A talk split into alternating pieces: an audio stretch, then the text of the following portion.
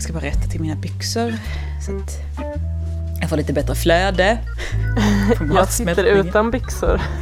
Du, du gör allting rätt med andra ord. Ja, det här ska bli en väldigt öppen podd känner jag.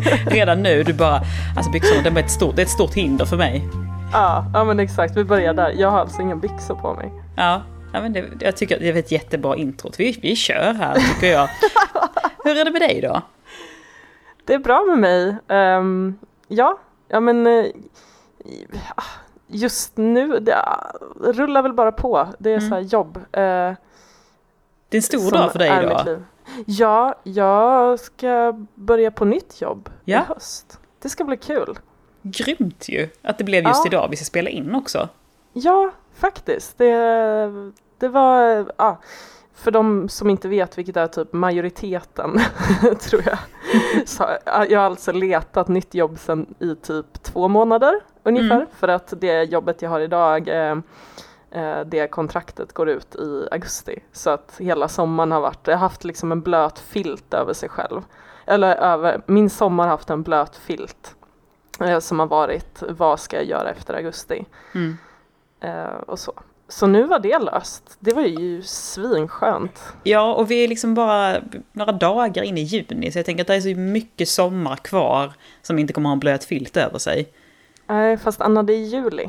Juli, förlåt, alltså förlåt, jag har sagt fel på de här så många gånger nu. I mitt huvud så ska Jag juli vara, alltså så här, och jag typ kommenterade fel på det på Instagram någonstans och folk skrev till mig och bara Anna, för helvete, jag bara, ja, alltså jag vet, jag vet, jag bara skrev fel. Ja. Sommaren går snabbare än vad man tror. Nej, Det var så. de, alltså de, jag har, jag har någon grej. Jag har extremt lätt för att säga fel, nu blir det annars på det istället. Men jag, alltså så här, vissa ord har jag jättesvårt för att hålla isär. Eh, frys och kyl, spis och ugn, diskmaskin, tvättmaskin. Alltså jag, jag, jag, de hamnar jättefel i mitt huvud. Eh, juni och Mm. juli också sådana saker. Kan inte riktigt hålla isär dem. Det är ganska så här, man bara, 29-årig kvinna, det är lite pinsamt men hej. Jag tänker att det är en bokstav eh, som skiljer dem åt och att eh, de ligger precis efter varandra. Så Ja, det, det känns så- ändå ganska rimligt. Men du vet, vissa saker får man liksom bara aldrig ordning på. Det är som med Klingon och Vulcans, de heter ju fel. För Klingon ser ut som Vulcans och Vulcans ser ut som Klingons. Ja, men och ännu mer Romulans och eh, Ja. Vulcans. Ja, För de är ju faktiskt. typ samma. alltså det, Bara. det, det där är ju bara, det är ju vansinne liksom. Ja. Det blev Star Trek direkt där. Jag tänkte att vi skulle prata Ja, någon ju Star. Trek. Eftersom du är en så stort Janeway-fan. Och det har vi gemensamt. Ja, åh. Bästa Inte människan. så vanligt. Nej. Inte så vanligt. De Nej. flesta brukar gå på Jean-Luc Picard på Ja. en gång. Och, och, och det är ju förståeligt, för det är ju också en fantastisk människa. Men... eh, Ja, det är bättre än de som bara, men Kirk, man bara, okej, ehm, Bara så här, nej. så här kortisonsvullig, svettig man som bara knullar med hela galaxen. Ja men det är ju liksom någon så här, ah, så himla typisk så här nördelitist som bara, åh, originalet är bäst. Så här, det, Ja, Det de som inte förstår eller uppskattar originalet, de, eh, alltså det är ju de är lite mycket, sämre. ja men det är ju mycket i originalet som är, som är härligt liksom så, men Kirk är ju kanske inte en av de starkast eh, lysande stjärnorna i den serien. Jag förstår inte vad du Nej. menar Anna. Siri, var är du ifrån? Jag är från Göteborg. Mm. Jag eh, är född i eh, kanske den kända förorten Hammarkullen. Ja, Det kom ju får en... man väl säga. Ja, det kom ju en serie på, var det på 90-talet, som hette Hammarkullen. Ja. Som visades på SVT tror jag. Som Mm. ut, ja, utspelade sig där. Så där är jag alltså född. Mm. Och där Och i se- serien så var du också statist. ja, så här fyra månader gammal. Eh, nej men, eh, och där har jag ju uppenbarligen inga minnen ifrån, alltså inga starka minnen. Vi flyttade när jag var några år gammal. Ehm, och så. Men, eh, men de få minnen jag har därifrån är typ, ja men det är ju så typiska barnminnen, så lekplats. Mm. Ehm, och så. Men mina föräldrar trivdes väldigt bra där faktiskt. Eh, så att det var inte helt eh, uppenbart att vi skulle flytta därifrån. Men eh, av diverse anledningar så blev det som så att vi sedan flyttade till Masthugget. Som också kanske är, det är relativt, ja men det är så här klassisk arbetar, ja, område i centrala Göteborg får man mm. väl säga.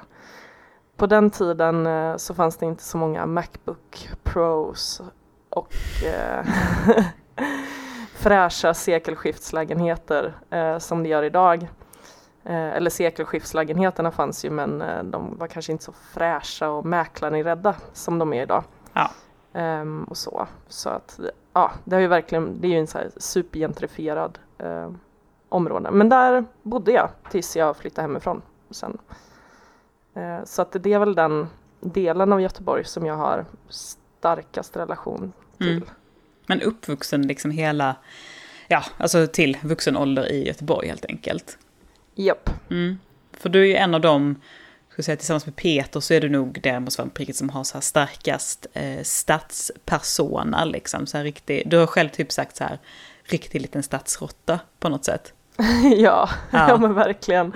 Och herregud, jag, jag åkte ut i skärgården med några eh, vänner eh, nu i helgen och eh, det fanns det är också en sån här grej, varför har Stockholms skärgård skog? Det är jättekonstigt för mig. Uh, för mig är skärgård här släta stenar. Ja, det är, uh, ja precis. Men uh, Stockholms skärgård har ju då alltså skog och vi hamnade i den här skogen och jag hade på mig jag hade på mig ett par käcka små sandaler som jag tyckte var jättebra.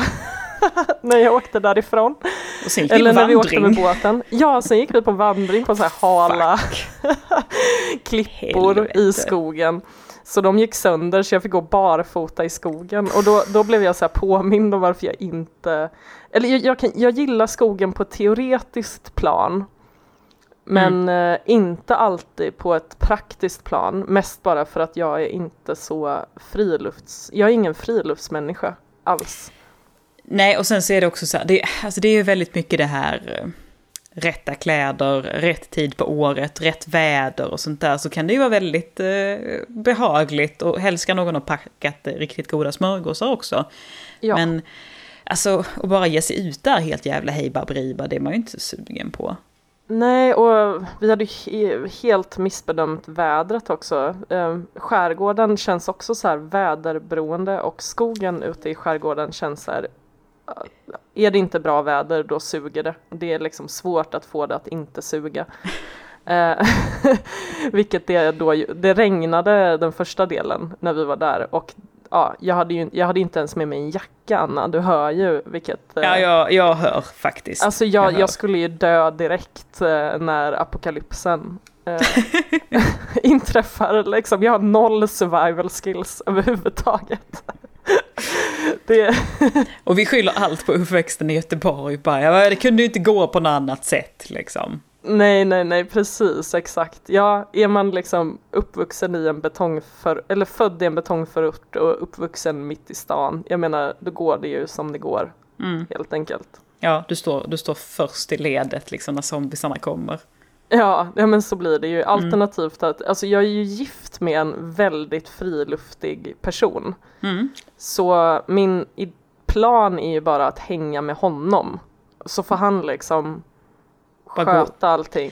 Du går och hukar dig bakom Niklas helt enkelt. Japp, ja. precis. Ja, nej men för han är ju sån där som kan sätta upp eld och alltså han är ju på riktigt så här, inte bara tycker om att gå i skogen utan han, han kan ju typ överleva i skogen i några dagar.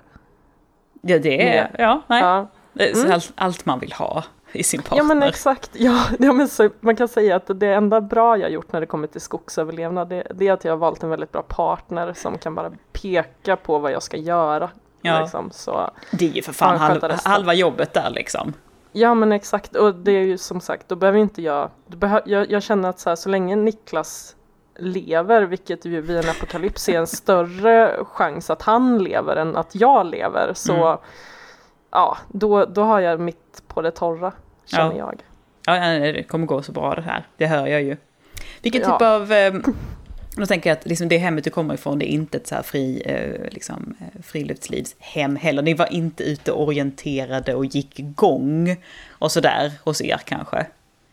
Nej, men däremot så, vi var ändå mycket ute i, i skogen och så. Min mamma, hon är ju, hon kommer ju från ett ganska friluftigt, så här käckt eh, övre medelklasshem, du vet, där Mm, det är så här mm. viktigt att röra på sig och Blåbärssoppa i, i kåta och sådär? Ja, ja men precis. Så, Ja. hon har, så hon har alltid varit väldigt aktiv. Så hon tog ju ändå med oss när vi var små och åkte skidor och ja, men gick skogspromenader och, eh, och så. Och Mm. åkte ut och vandrade och, och så liksom. Så att, eh, men det, det har alltid varit så himla ordnat och organiserat tror jag. Eh, och det, det är väl framförallt hon som liksom höll i den stafettpinnen också. Även då när jag var yngre. Så att eh, Ja, nej men så, så inte liksom, jag är inte uppvuxen i skogen men min mamma hon, hon fick väl med sig lite grann av det i alla fall. Mm. Och hoppades kanske att vi skulle eventuellt ha blivit ännu hurtigare än vad någon av oss eh, systrar blev. För ni är ett gäng systrar? Vi är tre stycken systrar. Och du är? Eh, Jag är stora syster. Du är äldst. Jag är äldst. Eh, och eh, vi är födda ganska tätt ihop. Mm. Ehm, så att det är, det är i princip bara ett år emellan oss, nästan. Lite Så- hårdraget. Ni kom tripp, trapp, trull? Ja, verkligen. Mm. Och eh, lite så här roligt, alltså ingen, eller min mellersta syster, hon är den enda som är eh, planerad. Ni andra var happy incidents liksom. Japp, vi andra bara hände liksom. Min mamma blev helt enkelt så här superfertil där liksom på, under så här fyra års period och det hände allt. Liksom. Ja men precis, det var ett fönster där ja, liksom. Så- ja, precis. Det, bara, det klaffar så väl på något sätt. Sen vet jag inte efter tredje barnet om det bara är så att så här, eh, det, det finns en potentiell risk kanske att eh, man inte är så sugen som så här, småbarnsförälder till tre barn Mm. eh, på att eh, skaffa en fjärde. Nej.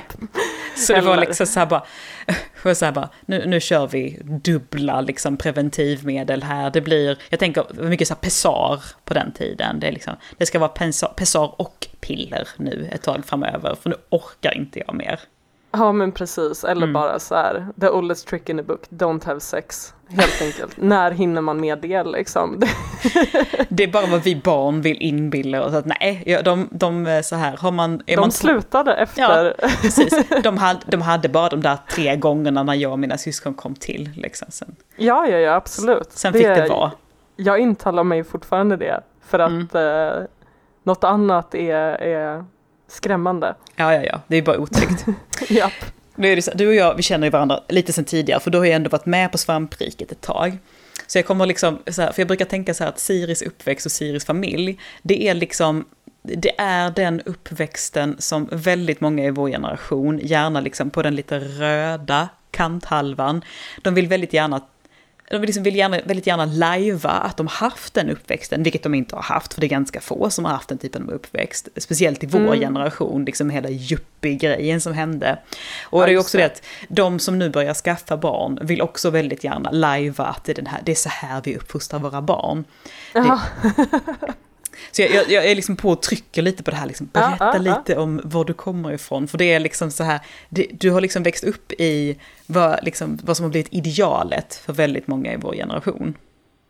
Ja, eller oj, vad eh, idealet. Jag har aldrig tänkt på det som så, men, men jag har nog växt, alltså båda mina föräldrar var ju eh, för det första studenter när de skaffade oss, så att de, eh, vi växte faktiskt upp i ett eh, jag vet att ja, men, om det är vänsteridealet att växa upp i ett eh, ekonomiskt ganska sparsmakat hem så är det ju absolut eh, på rätt håll från hur jag växte upp. Alltså, Mm. du, de var ju studenter och så fick de tre barn ganska tätt efter varandra. Eh, så pengarna var ju ganska, ja det var ju ganska snålt eh, med det när vi växte upp. Inte för att jag, jag har aldrig liksom tänkt tillbaka på det som att vi hade så här ja men att det var tufft eller Mm, så mm. liksom. Det var, och sedan är väl, när man är barn, man är så himla anpassningsbar också. Det ja. jag tänkte aldrig på det utan det var väl snarare sen eh, när man började skolan och så att det var ja men okej, vi, jag är ungen som har second hand kläder liksom. Mm. Uh, och uh, jag är ungen, det är ju också, jag, jag växte inte upp med någon tv-spelskonsol. Uh, jag växte upp med en mamma som pratade rysk litteratur med mig när jag var typ tio. och ja men ett, väl, jo, men ett väldigt så här, vänsterintellektuellt hem med inte men utan det ekonomiska kapitalet som man ändå kanske associerar med vänsterintellektualismen. Jo, det finns ju, det finns ju alltid de här, liksom, som man kallar för liksom, salongskommunisterna. Liksom. Ja, men eh, precis. Min ja. mamma och, eh, och även min pappa tror jag, de skulle nog ändå reagera på att bli benämnda kommunister för att mm. de, eh, de skulle nog snarare vilja benämna sig som socialister. Mm. Mest bara för att men demokratiprincipen eh, har alltid varit väldigt viktig för dem. Mm. Och eh, kommunist, då associerar de det kanske lite mer med så här, ja men tro på proletariatets diktatur, ha en byst på Lenin mm, hemma hos sig. Ja, och det hade vi ju inte eh, när jag växte upp. Det var ju eh, ja, men det var demokratisk socialism eh, men däremot extremt mycket mer vänster än att vara sosse. Knappt så att äh, Vänsterpartiet äh, så här, deras, deras pamflett kom inte innanför er dörr. Nej, nej men jo, jo men vänster, mina föräldrar var ändå, de var eh, partipolitiskt aktiva mm. Eh, mm. när vi var yngre ändå, men det var ändå liksom den här kritiken eh, mot delar i, i partiprogrammet eh, som de inte höll med om. Och mm. Vänsterpartiet har ju en bakgrund också i en del av vänsterrörelsen som mina föräldrar kanske inte riktigt alltid identifierade sig med, eh, även fast de sen blev mycket mer demokratiska än vad partiet var kanske till, till en början, mm. om man säger så. Det var ju en hel del stalinister som var med back in the days och mina föräldrar, framförallt min mamma, eh, ogillar stalinister väldigt hårt. Men, men det var ändå liksom väldigt tydligt, alltså jag, jag var nog, för att vara barn var jag nog extremt kunnig på de här vänstergrupperingarna också. Och de är ju eh, väldigt, ja. Eh, ganska många och väldigt avancerade, så det är ju, ja, det är ju någonting att sätta sig in i, verkligen. Ja, ja men precis, men jag var jätteintresserad. Det var, det var någon gång när jag gick i mellanstadiet tror jag som jag blev, började själv bli ganska politiskt intresserad och jag älskade att sätta mig in i så här, ja men vad är en maoist, vad är en stalinist, vad är en trotskist, vad, mm. vad säger anarkosyndikalisterna, vad, ja. Vi och det är så Siri med... 12 år gammal, eh, ja. så jag kan ja. Vi andra satt där med våra stjärntecken och bara, Uh, men alltså Joel F i femman, han är vädur och det ska funka jättebra med mitt stjärntecken så man kan säga att vi nästan är ihop. Men jag älskade stjärntecken också, det var väl det, det var bara att så här... det, fanns, ja, det fanns plats för bägge. Liksom. Det fanns plats för bägge, och, men med det sammanfattat eh, så här, ehm, jag var väl kanske inte den populäraste ungen när jag växte upp. Det är ju, alltså barn är ah. ju vedertaget grymma. Så jag tänker så här när skolgången sätter igång um, med liksom så här, de här lite kufiska specialintressen och second hand-kläder. Mm. Hur, hur, var, hur var skolstarten? Uh, skolstarten jag var ju, men det är typiskt kanske också så här, någon skulle säga typiskt stora syster, men jag var, jag var ganska duktig. Jag var, jag var lite så här snusförnuftig när jag, var, när jag började lågstadiet. Mm. Och jag såg jättemycket fram emot och jag, jag älskade att läsa, eller jag älskar fortfarande att läsa, men jag lärde mig att läsa när jag var fem år gammal, så jag eh, såg väldigt, väldigt mycket fram emot att börja skolan. Och jag men jag min största så här, identifikations, eller person som jag identifierade mig med eh, under lågstadiet, det var Matilda i Roald Dahl-boken ah, Matilda. Superintelligenta flickan. Ja men precis, mm. jag hade ju liksom ganska stort ego till att börja med också kan man ju eh, lugnt hävda, eller lite så här storhetsvansinne kanske, att jag, ja, men jag ville bli som henne och jag trodde nog att jag var lite som henne också när jag var sådär sju år gammal. Mm. Eh, och så. Men, eh, och så, men och sedan i mellanstadiet då, alltså sammanfattningsvis, jag hade inte jättemånga kompisar men jag hade kompisar. Det var liksom, jag var inte den här som var ensam på rasten. Eh, men jag var ganska långt ner i hackordningen. Okay. Eh, pluggisar brukar ju aldrig vara populära ens kanske när man gick i första klass på lågstadiet. Nej, alltså den, den trenden verkar liksom aldrig riktigt vilja vända på något sätt. Nej, förrän typ man börjar plugga på universitetet. Mm. Då är jävlar. Ja, då jävlar payback time. Um, men uh, ja, och sen i mellanstadiet så det var väl lite likadant. Jag berättade att jag blev politiskt intresserad. Det skedde väl någon gång i slutet av mellanstadiet. Och så. Sen uh, följde inte jag med den klassen jag gick i upp till högstadiet utan jag bytte faktiskt skola då. Okay. Eh, till eh, ja, men en annan kommunal skola i närheten. Apropå eh, ideologisk uppväxt och så. Jag gick ju inga privatskola när nej, jag var nej. yngre. Var någon anledning till att du bytte eller bara det bara föll sig så? Ja, men det var en, en av mina kompisar, alltså det här är så mm. jäkla kul. Hon, eh, hon skulle börja alltså, i en matteklass. Oh, och jag, jag har alltså gått en termin i en matteklass. Eh, för jag ville haka på henne liksom. Mm. Eh, och eh, för de som inte känner mig så kan jag lugnt säga, jag vet att folk säger att de är dåliga på matte. Men tro mig när jag från djupet av min själ säger att jag är dålig på matte. Ja. Jag har aldrig varit bra på matte och jag kommer antagligen aldrig bli bra på matte. Men, Eh, men dina föräldrar bara, du vill byta till matteklass? Helt rimligt, vi kör. Ja men de har alltid varit väldigt eh, så här uppmuntrande. eh, och så, det, det har jag var, så här i efterhand, jag är väldigt väldigt tacksam och väldigt glad eh, Mm.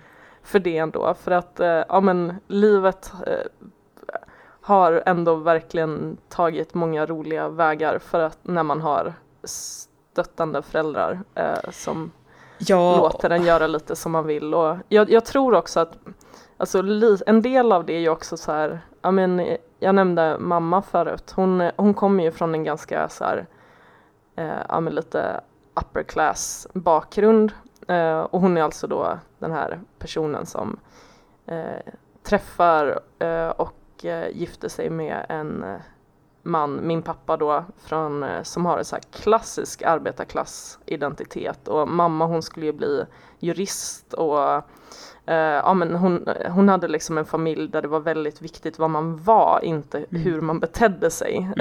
Mm. och hon gjorde ju då ja, men alla de här revolterna.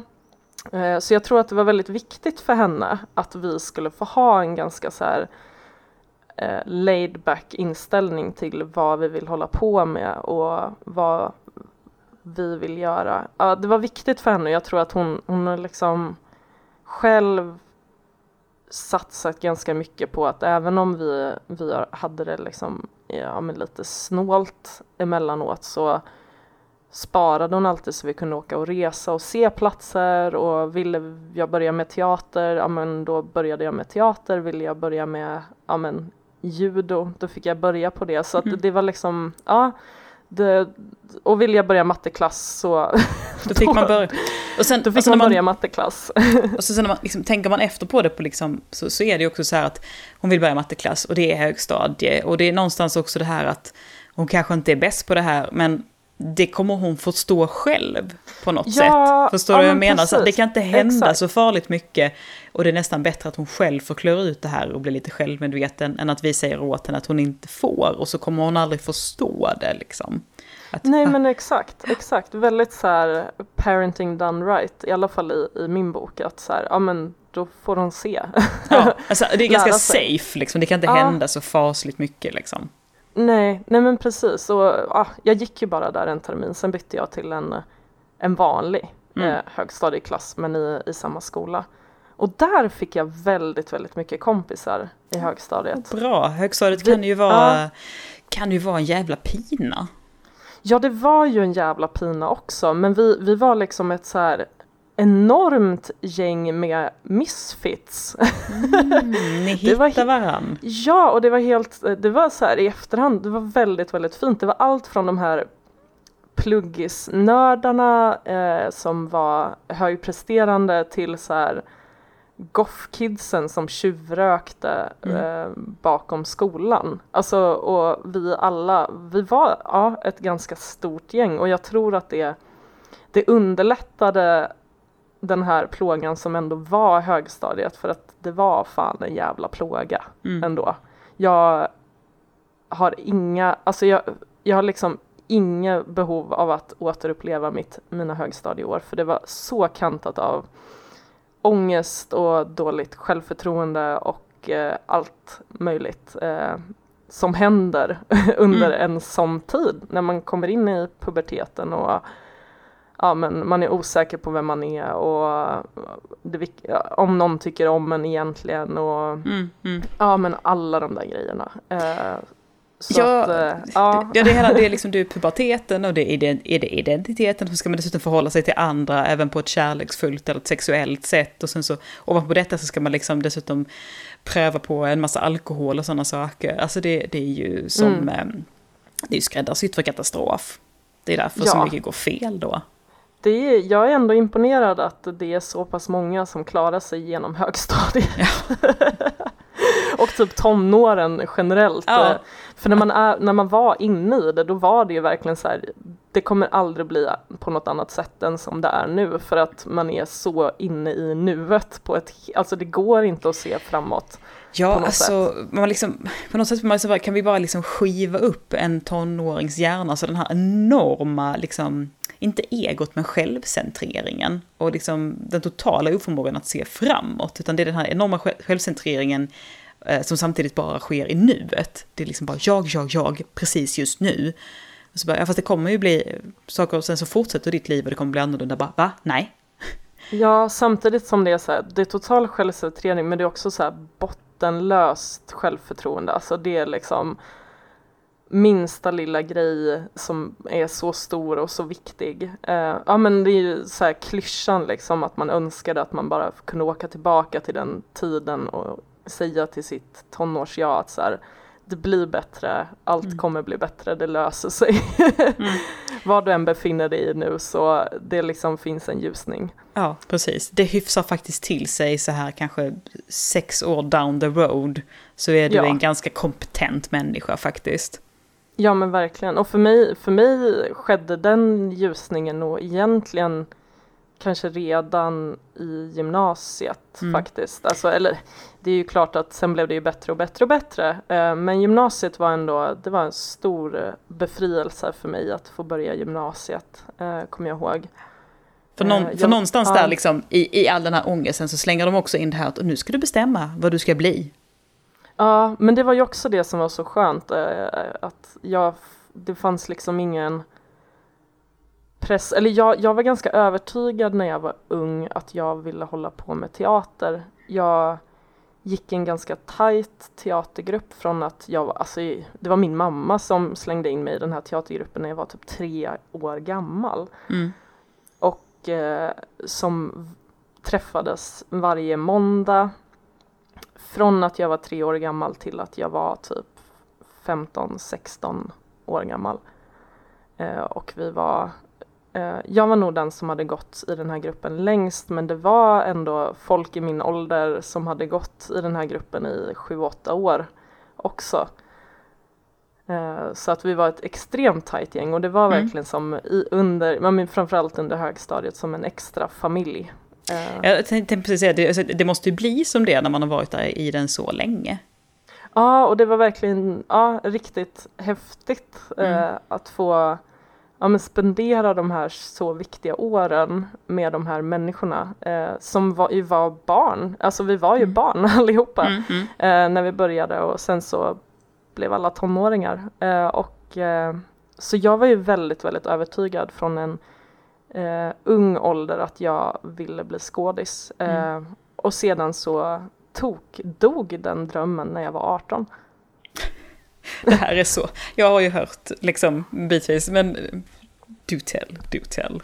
Ja, nej men som sagt, det, det, det var ju precis efter studenten då eh, och jag, jag hade gått teaterklass på, på gymnasiet också och ja, men det var väldigt mycket snack om teater och skådespeleri och jag hade sökt till, jag hade sökt några scenskolor och den första jag skulle gå på audition det var Malmö scenskola.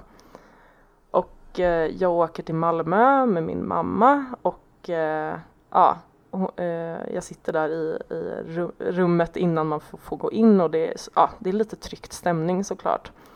Och när jag sitter där, då, då får jag, ja men ni vet som i någon så här Hollywoodfilm typ, att man bara shit vad gör jag här? Det här vill inte jag hålla på med. men du hade varit så säker på det fram tills dess, liksom ja. sen du var så liten och sen så bara, nej, där dog nej. det.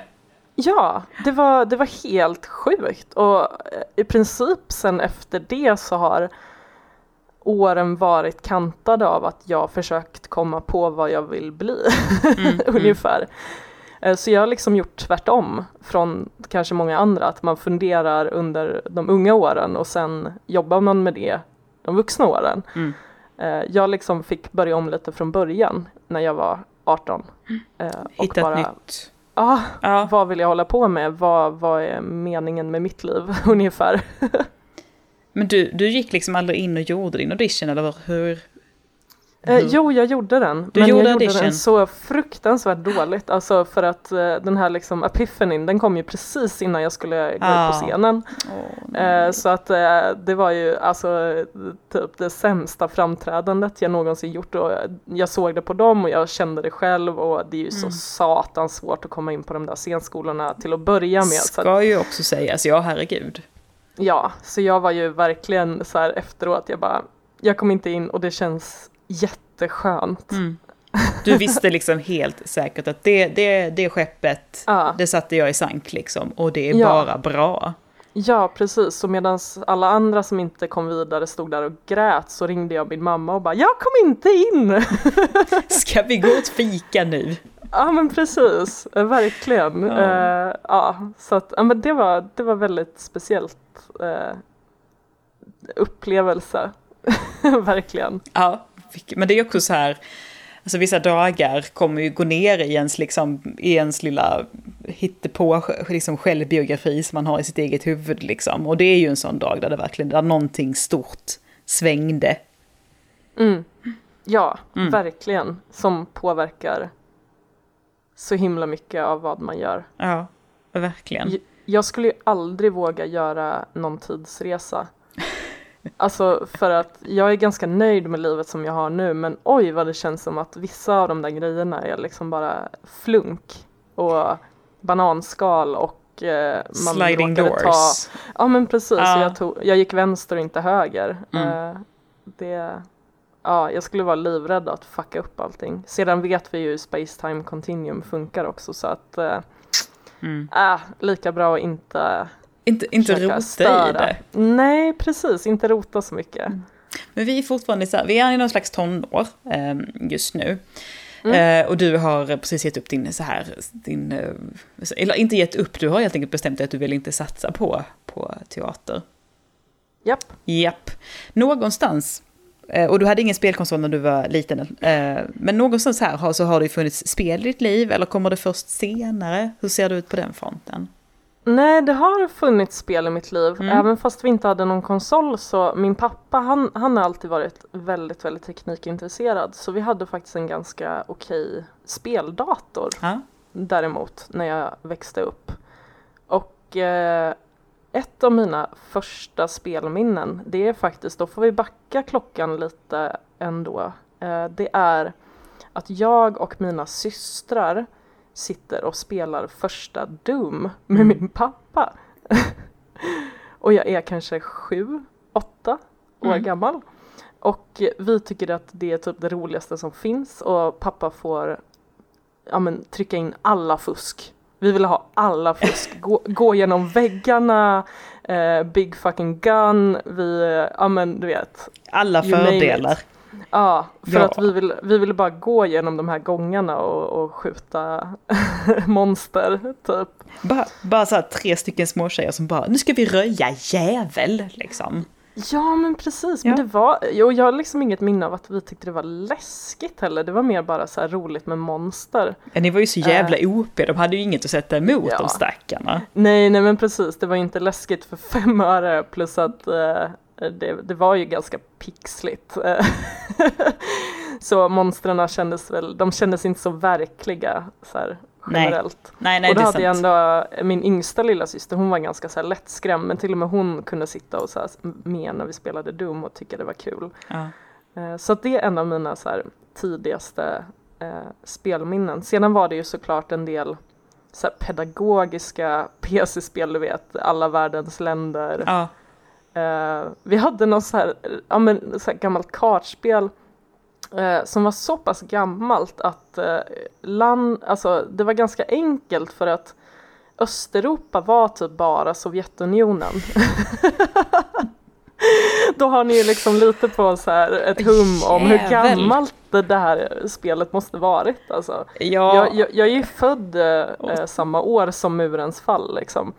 Eh, 89. ja. Eh, så att det, ja, eh, men det var kul, det satt vi också eh, ganska mycket med. ja. Man var ju liksom inte så, nu, nu kommer jag bli så här, ja men på min tid, då är jäklar ungdomar, men, men ja, vi växte ju upp i ett sånt hem, alltså det, det var ju liksom inte att spelen kom på, på rullande band heller, så vi var Nej. ju väldigt nöjda med, med det vi fick och tyckte att det var ganska kul och sedan som barn då gillar man ju att göra saker om och om och om, och om igen oavsett Absolut. vad det är. Eh, och så. så att vi var ganska nöjda med de spelen vi hade. Spela backpacker gjorde vi också, mycket backpacker. ja det, detta minns jag också från, från min barndom. Mm. Det var så ro, väldigt roligt att göra med kompisar. Om det var liksom Ja. fest så kunde man samlas kring det här. För att ju fler man var, desto fler kunskaper. Liksom. Ja men precis, så och så. Eh, och eh, ja, det var alltid, jag, jag tyckte om den här att bli spion i Backpacker. Ja. Jag tyckte den här, när man skulle gå igenom den här gången och undvika laserstrålar tror jag det var. den, den tyckte jag var kul. Och även när man var jägare och skulle skjuta någon hjort eller vad det var, vilket i, i, idag går lite emot mina principer. Men då tyckte jag att det var ganska kul att Nej, Så skjuta ta, virtuella hjortar. ja, du var ju ett barn utan moral, herregud.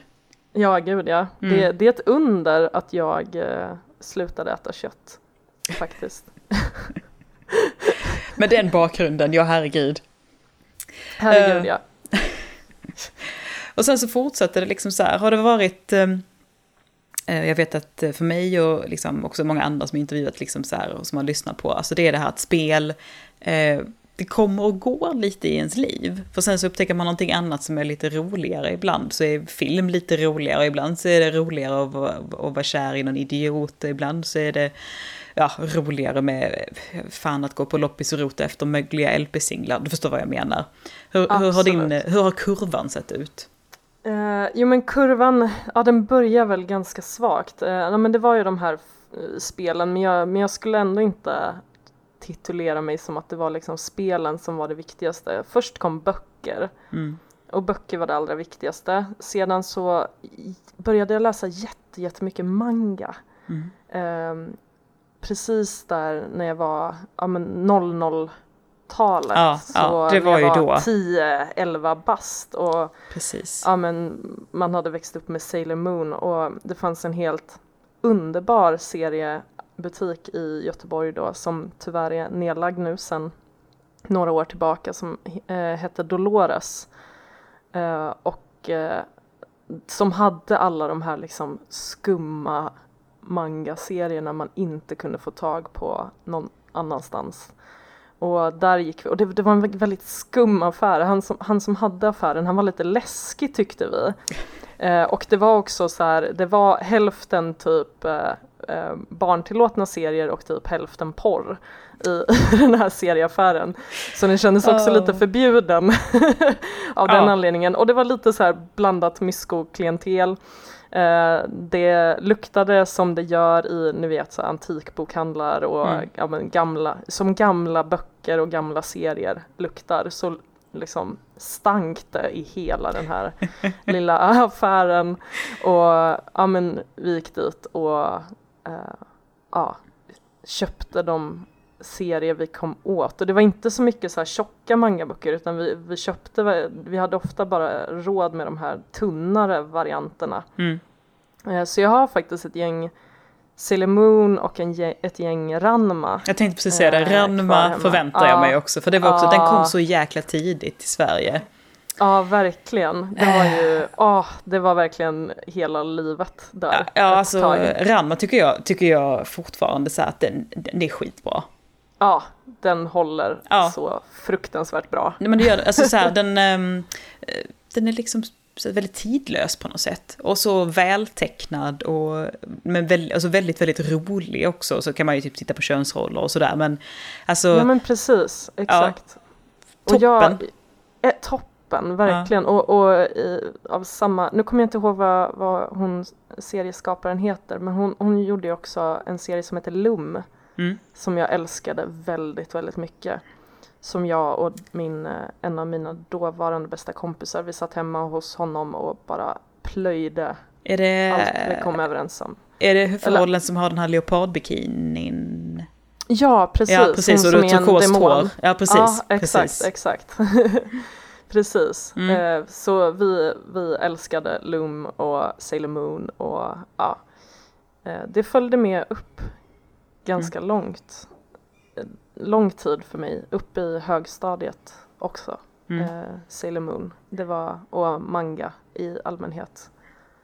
Älskade manga som innehöll ett tjejgäng med krafter som Ja. hamnade i någon fantasyvärld. Min absoluta favoritmanga var Magic Knight Rayer, hette den. Mm. Den har jag, jag känner Eh. igen namnet jättemycket. Ja, Mm. det var lite en så här Sailor Moon-klon kanske man ska säga. Eh, Mm. Men vilka är inte en Sailor Moon-klon som faller inom den kategorin? Ja, det kan man, ja, nej, alltså den är först och störst och bäst på något sätt liksom. Ja, ja men precis. Men eh, då var det inte jättemycket eh, spel. Det var ju alltså egentligen först i vuxen ålder när jag började få lite egna pengar. Mm. För, det är också, för det är också det liksom att spel är väldigt dyrt. Och det var väldigt, det, var ju, det var ju ändå dyrare då egentligen på något sätt. Ja men verkligen, Ja. så, så det är väl liksom, det hänger väl ihop med det här som du nämnde tidigare, ja men du hade, eh, ja men Siri, du hade en, en uppväxt som var så här, genuin, legit vänster liksom. Ja. Men det innebar ju också att vi, alltså spel, det var för det första inte liksom någonting som mina föräldrar var intresserade av och vi hade inte Alltså de pengarna vi hade, de lades på andra grejer Mm. helt enkelt, annan kultur och, och så. Eh, så att det var ett ganska spelfattigt hem. Eh, jag tror att min mamma fortfarande är lite fascinerad över att jag började skriva om spel. jag tror inte hon riktigt förstår var det kommer ifrån överhuvudtaget Äh, så här, faktiskt. alla mina goda intentioner med den ryska litteraturen och allt det här, så, så håller hon på med det här. Ja men precis. Ja nej, men exakt. Eh, ja hon tycker väl det är kul men hon fattade inte för fem öre. Nej, det är alltså så här, och man fattar liksom också så här att menar, ifall, ifall det finns någon sån, alltså så här, ska man säga, kulturrörelse som har liksom lite höga, alltså så här, lite höga trösklar runt sig på något sätt som kan vara lite knixiga att komma över. Du tänker att det är så här, det är, då tror exempel tv-spel och opera är två sådana. Ja, man, liksom så här, det- man står och försöker så titta in och bara, ah, vad fan är det här för något? Alltså det här verkar inte, äh, liksom. Så det ja, Ja, men, men så var det verkligen också. Jag, jag tror att jag ganska mycket under min uppväxt också identifierade spel tyvärr ganska mycket med så här bröliga grabbgäng. Och eftersom jag inte hade någon egen konsol, de få gångerna det fanns möjlighet att spela, med undantag såklart då, ehm, men då associerade jag nog det mycket med så här FPSer och eh, bröliga tonårsgrabbar som sitter i gäng eh, som är lite läskiga. Jag tyckte liksom rent generellt att så här, killar var ganska läskiga. Alltså inte att jag liksom kunde vara kompis med killar och så när jag växte upp. Men jag, men jag tyckte att liksom det här bröliga grabbgänget, det var liksom ingenting jag var intresserad av att ta del av. mm. Ja, men utifrån sett så är de, de är ju obehagliga. ja, i alla fall tyckte jag det. Jo, men alltså så här, en, en klunga, en klunga 13-åriga killar, eh, även för mig, liksom som är liksom typ ungefär dubbelt så lång och bred som dem, så här, tycker jag fortfarande så här bara, uh, liksom så här, jag vill inte... Ja, nej. nej men precis. Så den liksom dörren var, den öppnades inte alls för mig och jag var inte jätteintresserad av att forcera den dörren heller mm. eh, överhuvudtaget. Så ja, det var först egentligen när jag som jag började spela ordentligt, det var när jag träffade Niklas och mm. flyttade ihop med honom. Uh, och så. För han kommer ju från ett, han är ju liksom uppväxt, men den här klassiska konsoluppväxten liksom, sitta på pojkrummet och spela mm. och så. För någonstans där, um, mm. så liksom så här, i, dina, i dina härliga tonår, för visst var det fortfarande i tonåren som du träffade Niklas? Ja, eh, det var, eh, jag var 17. Just det, jag var så här, är det så här 16, 17, 18, där ja. kring, ja men visst ja. Så vi har, i år har vi alltså varit tillsammans i tio år. Det är coolt. Det är ganska coolt. Mm. Uh, och så. Det är ja, skönt när man träffar rätt. Ja, och du träffade rätt på en festival. Ja, det är ju också en rolig historia ja, som jag kan dra. Tycker jag. Uh, ja, för de som inte har hört den. Uh, jag åkte jättemycket på festivaler, det var också en så stor viktig grej för mig. Uh, ja, när, det, var, det var under en tid när jag inte tyckte att det var, men jag la ner lite det här med nörderiet och tyckte att det blev roligare att så här, dricka smuggelsprit och åka på festivaler. Mm. Uh, och den roligaste festivalen som jag besökte flera gånger det var ju Roskilde.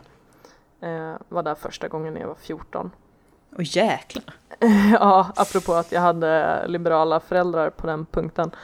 Uh, åkte dit själv med en kompis eh, första gången jag var 14. Eh, och där var jag flera gånger och det här var alltså 2007 då som jag träffade Niklas och det var det här året som, där det regnade något grönjävligt. Alltså det var, om jag inte minns helt fel, alltså jag tror att det var folk som drunknade för att ja, det var så mycket vatten. Ja, alltså det var helt absurt, så här, folk som däckade i vattnet liksom och dog.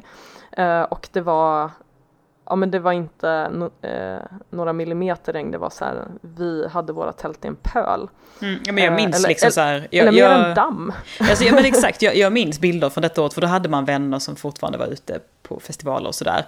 Och folk liksom som sitter och paddlar runt i små båtar liksom. Ja, på festivalområdet. Ja, alltså det var helt vansinne liksom. Ja, precis. Och, och, men det här var innan och innan dess så var vädret helt okej. Eh, och eh, det var också så här apropå pure chance om det går höger eller vänster, verkligen. Ja. Eh, för jag var där med en kompis och vi skulle tälta. Eh, och eh, vi kom på onsdagen och det var, det är inte så mycket tältplatser kvar så vi går runt och rekar lite. Och sen får, ringer hon en kompis och de har lyckats liksom, ja, fixa en liten, liten hörna på deras camp mm. som vi eventuellt kan få in vårt lilla tvåmannatält på. Så vi går dit, eh, börjar sätta upp tältet och eh, out of nowhere a wild Nicholas appears mm. och han är skitarg och skriker på mig att du kan ju fan inte sätta upp ditt tält framför min utgång, hur fan ska jag kunna gå ut ur tältet? Uh, och jag uh, tittar lite glatt på honom och bara hej, skulle du kunna hjälpa oss att sätta upp vårt tält? Och Niklas blir så arg att han bara mar marscherar därifrån. Alltså så det börjar ju bra. Genast uh, tänker du liksom så här, mannen jag ska spendera mitt liv med. Ja, nej, det var ju verkligen var inte han. på tapeten Precis, då. Precis, den här rabiata jävla ilskna idioten. Ja men precis, och han tyckte väl exakt samma sak om mig, puckade jävla brud liksom. Mm. Uh, och så, men sen började vi prata lite uh, och så, för vi har ju ändå granncamp och du vet, alkoholen uh, flödar, men det händer absolut ingenting på den här festivalen. Nej. Vi, vi gör ingenting. däremot, min kompis som jag var där med, hon har hon är lite intresserad av en av hans kompisar så Eh, som, och de bor då alltså i Kungsör. Eh, vi bor i Göteborg, de bor i Kungsör. För er som inte vet var det ligger, typ ut, nära Eskilstuna. Det är Sörmland. Eh, Okej. så hon vill att jag följer med eh, när hon ska åka och hälsa på honom efter festivalen eh, är slut. Eh, Som ett litet och- förkläde. Ja, lite så. Hon, hon liksom, ja men för att vara på den säkra sidan så Ja. följer jag med om det skulle hända någonting. Och där på en fest i Kungsör så håller jag och Niklas handen för första gången. Mm. Eh, och vi hade liksom varit lite intresserade innan och ja men och den här historien är en halvtimme längre egentligen. Det är så mycket vändor fram och tillbaka så det finns inte. Men, eh, Drama, ja. drama, drama. Ja, det är så mycket drama Oj, och gud. eh, ja, det var nästan så att vi inte fick, att hon inte fick tag i numret till den här killen och hade hon inte fått det så hade de aldrig kunnat höra av sig för det här var innan liksom Facebook Japp. och allt sånt där. Eh, så att, men hon, lyck- hon träffar honom på stationen i, i Köpenhamn när vi åker hem från Roskilde. Och på så sätt lyckas hon få hans nummer så att jag kan åka och träffa Niklas. Och eh, ja, tio år senare.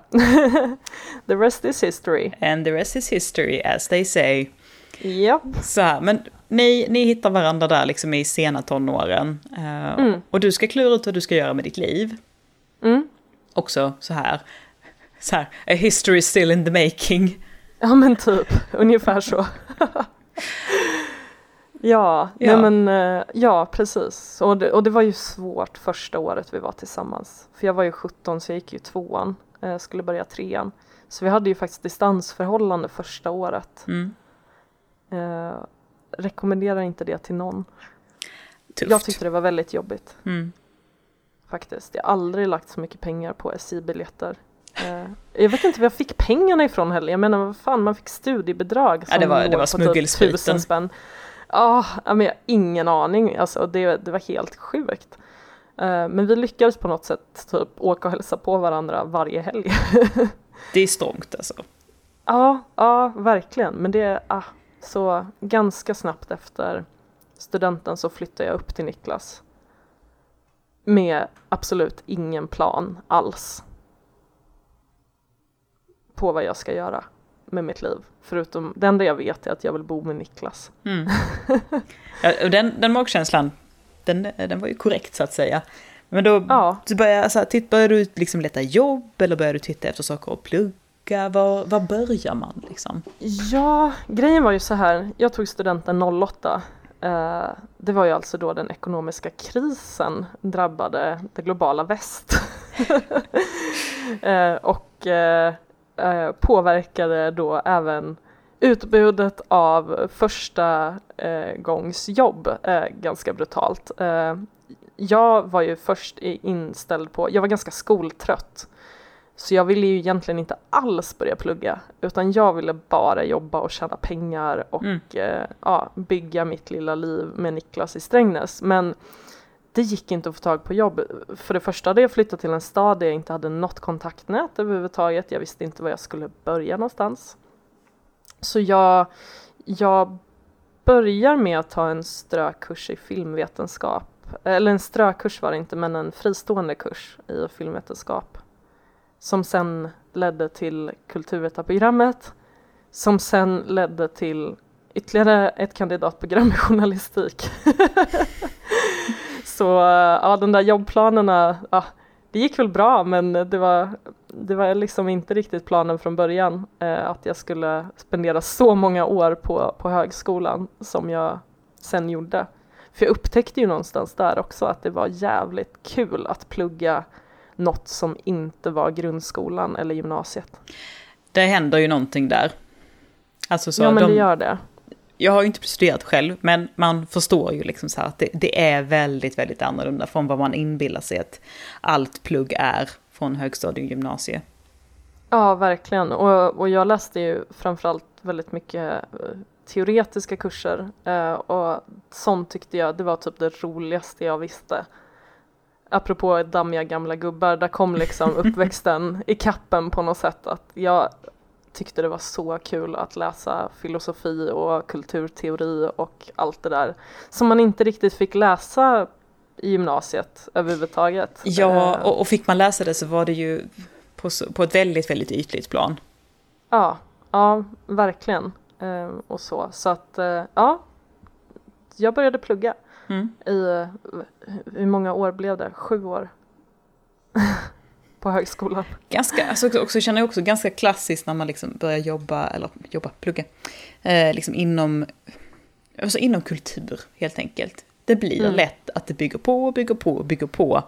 Och, och man liksom, så tror jag också det att, att det är väldigt roligt att läsa det. Och många blir lite sådär, alltså bara hamnar i det och bara, åh, och det här vill jag också läsa, och det här vill jag också, sen så vill jag historia, kulturhistoria, konsthistoria, retorik, alltså hela faderullan på något sätt. Ja men verkligen och det var ju nästan så. Jag, jag tog ju min eh, journalistexamen för dryga ett och ett halvt år sedan. Mm. Och jag märkte då, alltså jag var ganska skraj. Eh, det var, jag hade blivit, jag kände det var lite så här institutionalisering. Mm, mm. Ja, men, Ute i det verkliga livet, vad fan ska jag göra nu liksom? mm. ja men så är alltså sju år är ju väldigt lång tid. Alltså det, sju år är ju längre än vad vi lägger liksom, på låg och mellanstadie. Och tänk efter hur Ja. jävla lång period den var. Ja, Liksom, och vad ja, hur mycket som hände där. Så precis som du säger, man blir väl... Det är ju liksom sin egna lilla tuttifrutti-värld. Ja, ja men precis, det, var, det är så bekvämt också eh, på något sätt. Eh, när man väl är inne i det. Jag förstår att alla inte tycker att det är lätt att plugga och det är det verkligen inte. Men, men just när man har kommit in i det efter några år, då, då går det nästan på automatik. Eh, Ja, och då är det, det är den automatiken som är så beroendeframkallande. Ja. Och den här tryggheten att man vet hur det funkar och, och vad man ska göra och vil- vad ens identitet är också. Ja, och också väldigt mycket det här att eh, på något sätt man är så att man, man så här att här bygger jag, jag bygger min grund här. Och då kan jag ju lika gärna, jag har byggt ett ganska, en ganska bra grund här men alltså, jag skulle kunna ha trädäck i en riktning till och kanske vill ha en balkong också. Alltså så här, det är liksom, man, Mm, alltså så här, mm. man liksom tycker att jag lägger en bra grund här och man vill liksom bara snickra och, fi- och fixa och pilla med den hela tiden. Ja men exakt, det är ju liksom inte läkarutbildningen från punkt A till punkt B utan Nej. det här är ju liksom, ja ah, men den här kursen också skulle Mm. vara kul och den här, den är nog bra för det är lite mer praktisk kurs och ja. Precis. Eh, men däremot, samtidigt så visste jag nu när jag tog min sista examen att jo men det, det är nog dags eh, att börja tjäna pengar ett tag på riktigt. Eh, med någonting förhoppningsvis som jag tycker är kul Mm. och roligt att hålla på med. Eh, och eh, ja, så här på andra sidan så är det ganska trevligt Mm. tycker jag. Och få vara så här, och få vara vuxen. Ja, vuxen Ish. på riktigt. Ja, ja. Jag kan liksom, jag kan få ett bolån. Du kan få ett bolån. Ni håller ju på att ska Ja. sälja lägenhet nu. Ja, Mm. ja men gud ja. Men, men det, ah, det är så tråkigt att prata om sånt i en podd tycker jag. Ja, Alltså, du har ju svurit ve och förbannelse över hur liksom så här bara, ska jag rensa ut allting som är personligt och fint och trevligt i mitt hem och ställa dit liksom en rädd liten orkidéjävel istället ungefär. Så många böcker som ligger nere i förrådet nu. Alltså, jag, jag är ju lite självutnämnd bibliofil. Jag, Mm. eh, jag kan låna böcker men har jag köpt en bok så är jag väldigt svårt att göra mig av med boken även om det är någon så här skittorr bok i så vetenskapsanalys. Liksom. Alltså, jag har behållit alla mina böcker jag har kommit över. Vilket alltså har innefattat eh, fyra, fem flyttlådor och eh, motsvarande mängd IKEA-kassar böcker som nu skulle ner Mm. inför den här fotograferingen. Aldrig stapla böcker i någonting som flyttlådor. Nej, nej, men eh, Det blir var så ju tungt. det var fördelat med andra grejer också. Ja, det är bra, det är bra. Du, då är Ja. du, du är ruttad. Ja, jag sitter inte här med liksom en spaljé över ryggen eller någonting. Nej, så att- ligger i gipsvagga liksom. Bara, det var dumt, ja, men det var dumt. precis. Ja, ja, men verkligen. Nej, nej, gud nej. Böcker, det, det är ju det med böcker, alltså de väger ju satan, men fy fan vad jag älskar böcker. Ja, Alltså, de är lovely. Ja, ett, eh, ett litet mål med, för vi funderar på att flytta till något större, det är ju att jag vill ha ett rum med en hörna som ska vara mitt lilla bibliotek. Där jag kan ha alla mina böcker och bara bygga på med ännu fler böcker. Det är så fint, för nu så här, eh, så här, nu får jag så här grav generaliseringsvarningsflagg här på något sätt, men så här, när man pratar om så här, pratar man med tjejer väldigt ofta, och just det här, flytta ett större eller liksom drömboende, så här, jag vill ha bibliotek. Pratar man med snubbar så är det, jag vill ha en mancave. Ja, jag, jag och Niklas har ju bestämt att det här lilla drömrummet vi ska ha, eh, det ska ju vara någon slags blandning av typ spelrum och bibliotek. Eh, mm. Kultur. Så det, Ja, ja men precis. Mm. Så det, det, får, det får väl bli det största rummet då antar jag. Precis. Ni sover i en liksom glorifierad klädgarderob i princip. Ja, men det har jag absolut, det, det har jag inga problem med. Det är eh, sovrum och sånt, det, ja. det behöver man inte så mycket utrymme med. Men däremot mina, mina babyböcker och mina babybrädspel och eh, de, de ska ha lite TLC. Mm, de, ska, de ska liksom bara få springa ut på grönbete. Medan ja. Eh, din man och katterna, de knögglar du in någonstans. ja, precis. Under ja, de, de klarar sig. under en trappa liksom. Japp, japp. Ja, ja nej men eh, det, det har varit en dröm sen, eh, sen jag var liten. Mm. Och läste Matilda av Roald Dahl. Att mm. ha ett eget bibliotek. Alltså det finns ju, det är, det är ju verkligen någon så här romantik kring det här. Min, mitt största, min största förebild i det här det är eh, Umberto Eco. Han var ju en så här riktigt känd bibliofil och, mm. och för er som eh, tycker att ni känner igen namnet men det, att det inte riktigt ringer en klocka det är, det är alltså författaren till Rosens namn som blev den här kända filmen någon gång på 80-talet. Mm. Han, eh, han skrev också jättemycket filosofi och, eh, och så. Eh, och eh, han, det finns ett klipp på Youtube. Om man söker på så här Umberto Eco, ja men säg så Home Library eller någonting. Ja. Eh, då finns det ett klipp där han visar sina, det är inte ett rum kan jag säga. Det är i princip hela hans hem är ett bibliotek. så här, alltså så här, och här har vi köket med sina tio bokhyllor där inne liksom. Ja, nej, jag, jag tror inte ens jag ser någon annan möbel i det här klippet än bokhylllor. Ja, det är fan coolt. Det är, det är som så ett eh, kommunalt bibliotek hemma hos någon, mm. ungefär.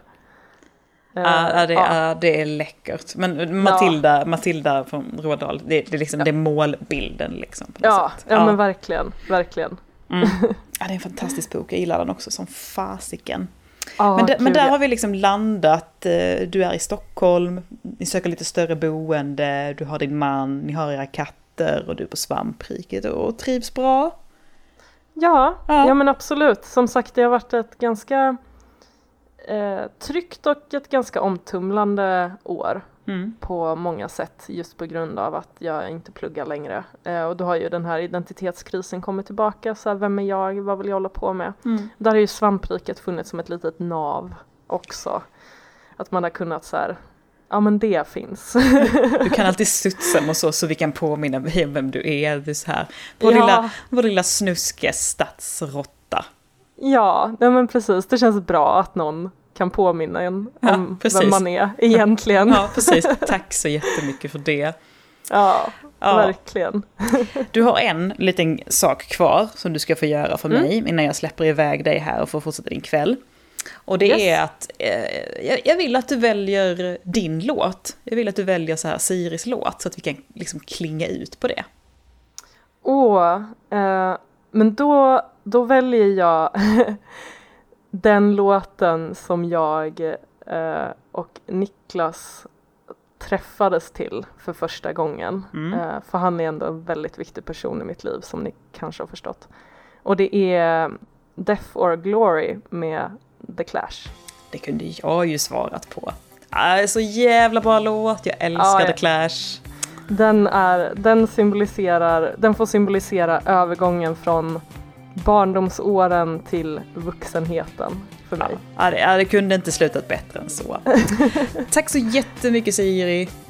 Tack själv, vad, vad kul det har varit att prata om sig själv. Jag var lite osäker på hur det skulle gå men eh, Det gick ju som Det, tåget. det gick ju bra. Det Ja. gick ju bra att prata om sig själv. Alldeles, alldeles lysande. Ja, ja, ja men exakt. Ja, fortsatt trevlig kväll nu och ha en riktigt god sommar. Ja, detsamma hörru. Mm. Puss och kram. Puss och kram.